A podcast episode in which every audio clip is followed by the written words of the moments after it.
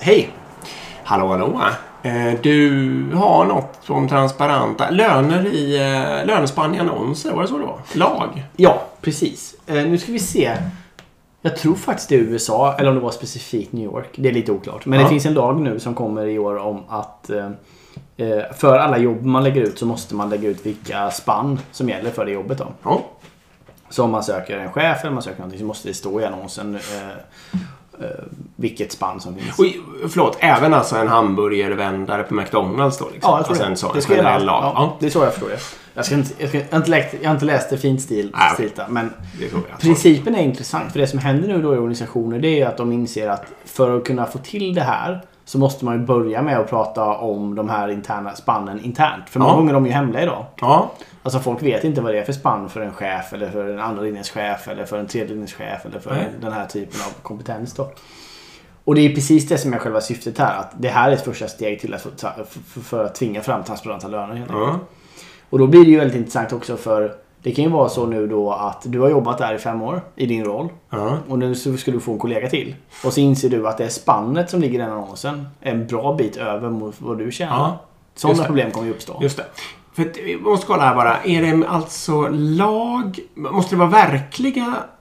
Alltså kan man bara påstå att det är ett spann som man är sugen på att betala? Eller ska det på riktigt vara spannet? Ska vara den människan på, på ens eget företag som har den rollen som tjänar lägst till? Nej. Nej. Det det man kan påstå det liksom. Ja, det är nog.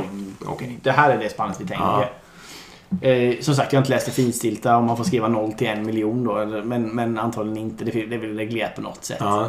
Och, precis, och det som händer nu då i alla amerikansk eller företag som har eh, någon del i USA blir ju att det här måste ju ske i hela organisationen också. Man kan inte riktigt bara göra det för ett, en del utan där måste man börja prata om det då helt plötsligt. Ja. Och då måste man börja jämföra och det, blir, det här blir ju väldigt bra för det här börjar ju öppna upp transparenta löner-dörren liksom. Ja, det är första, ja. första steget. Eh, och förhoppningen som USA har är väl också att fler länder ska ta efter då. Mm. Ehm, eh, ja, så det, är- det är en spännande sak som händer helt klart. Och vet du vad lagstiftarnas... För de har väl liksom inte en sån agil vision eller vad man ska säga om... Eller vad ska man säga? En servant leadership-vision om eh, transparenta löner? Eller vad är det då? Jo, jag tror det. Ja, Okej. Här fantastiskt nog. All right.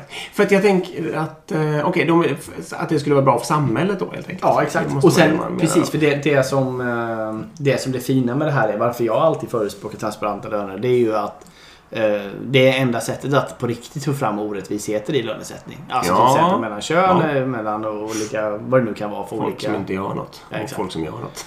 ungefär så. Eh, nej men alltså, ja, ja, olika... Absolut. För problemet är så länge man gömmer alla löner i chefsleden eh, då kommer man aldrig strukturellt kunna ändra på att Nej. kvinnor tjänar mindre än män fast man gör samma jobb. Ja, det är svårare. sådana. Det är mycket, mycket svårare att göra det. I alla fall på strukturell nivå. Man kanske gör det på någon viss liten del, men, men på strukturell nivå. Men däremot om det blir helt synligt och alla förstår det, då, då, då kommer det regleras. Det är jag helt övertygad om. Ehm, så på så sätt tycker jag att det är en väldigt bra, väldigt Mm, bra sak mm. som händer. Ja, men absolut. Det, det, argument, det mest starkt bärande argumentet mot transparenta löner eh, som jag känner till, det är ju, och det är du som har sagt det till mig tror jag, det är ju att ehm, det kan ske en löneutjämning och att man till slut kan få svårt att få in specialistkompetens. Liksom. Det blir någon form av um, rättvisegegga eller vad man ska säga, det dras mot mitten kanske. Ehm, Ja, exakt. Det är svårt då, då okej vi måste verkligen ha in den här ML, ja nu var det väldigt IT-specifikt då, men, men vi måste verkligen ha in den här superkompetensen som är jätteunik på marknaden. Eh, vi måste faktiskt betala tio gånger mer. ja, 15 gånger mer. 15 gånger Ja. mer än, än vad alla andra tjänar på det här företaget. Exakt. Och det kan ju bli väldigt svårt att motivera det då. Men, men det är det här som är det fina. Att istället för att man då döljer det liksom, så måste Ja. man motivera och hitta argument för Ja. det. Och övertyga sin övriga personal om att det här är det vi måste göra. Ja. Ehm, så det, ja.